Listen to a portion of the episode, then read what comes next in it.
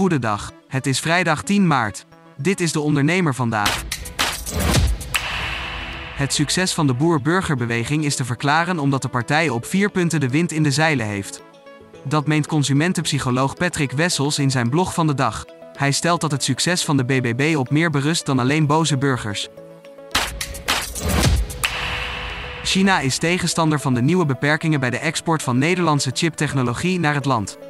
Dat zei een woordvoerder van het Chinese ministerie van Buitenlandse Zaken. Woensdag werd officieel bekend dat het kabinet de export van bepaalde machines van chipmachinemaker ASML naar China aan banden legt. Dat is volgens minister Liesje Schrijnemacher van Buitenlandse Handel nodig voor de nationale en internationale veiligheid.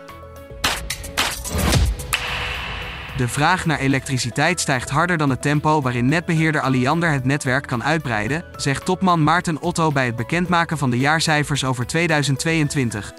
Afgelopen jaar werd meer elektriciteit gebruikt omdat consumenten en bedrijven meer elektrische auto's, zonnepanelen en warmtepompen hebben aangeschaft. Geen goed nieuws voor ondernemers, vertelt de topman. Het betekent dat we in de nabije toekomst helaas tijdelijk niet alle consumenten en bedrijven met een kleinverbruikaansluiting direct kunnen helpen wanneer het net in de wijk vol raakt.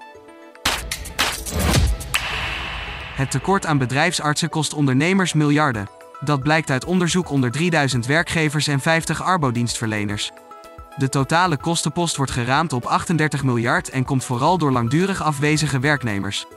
Met meer arbo-artsen zou dat verzuim beter kunnen worden aangepakt.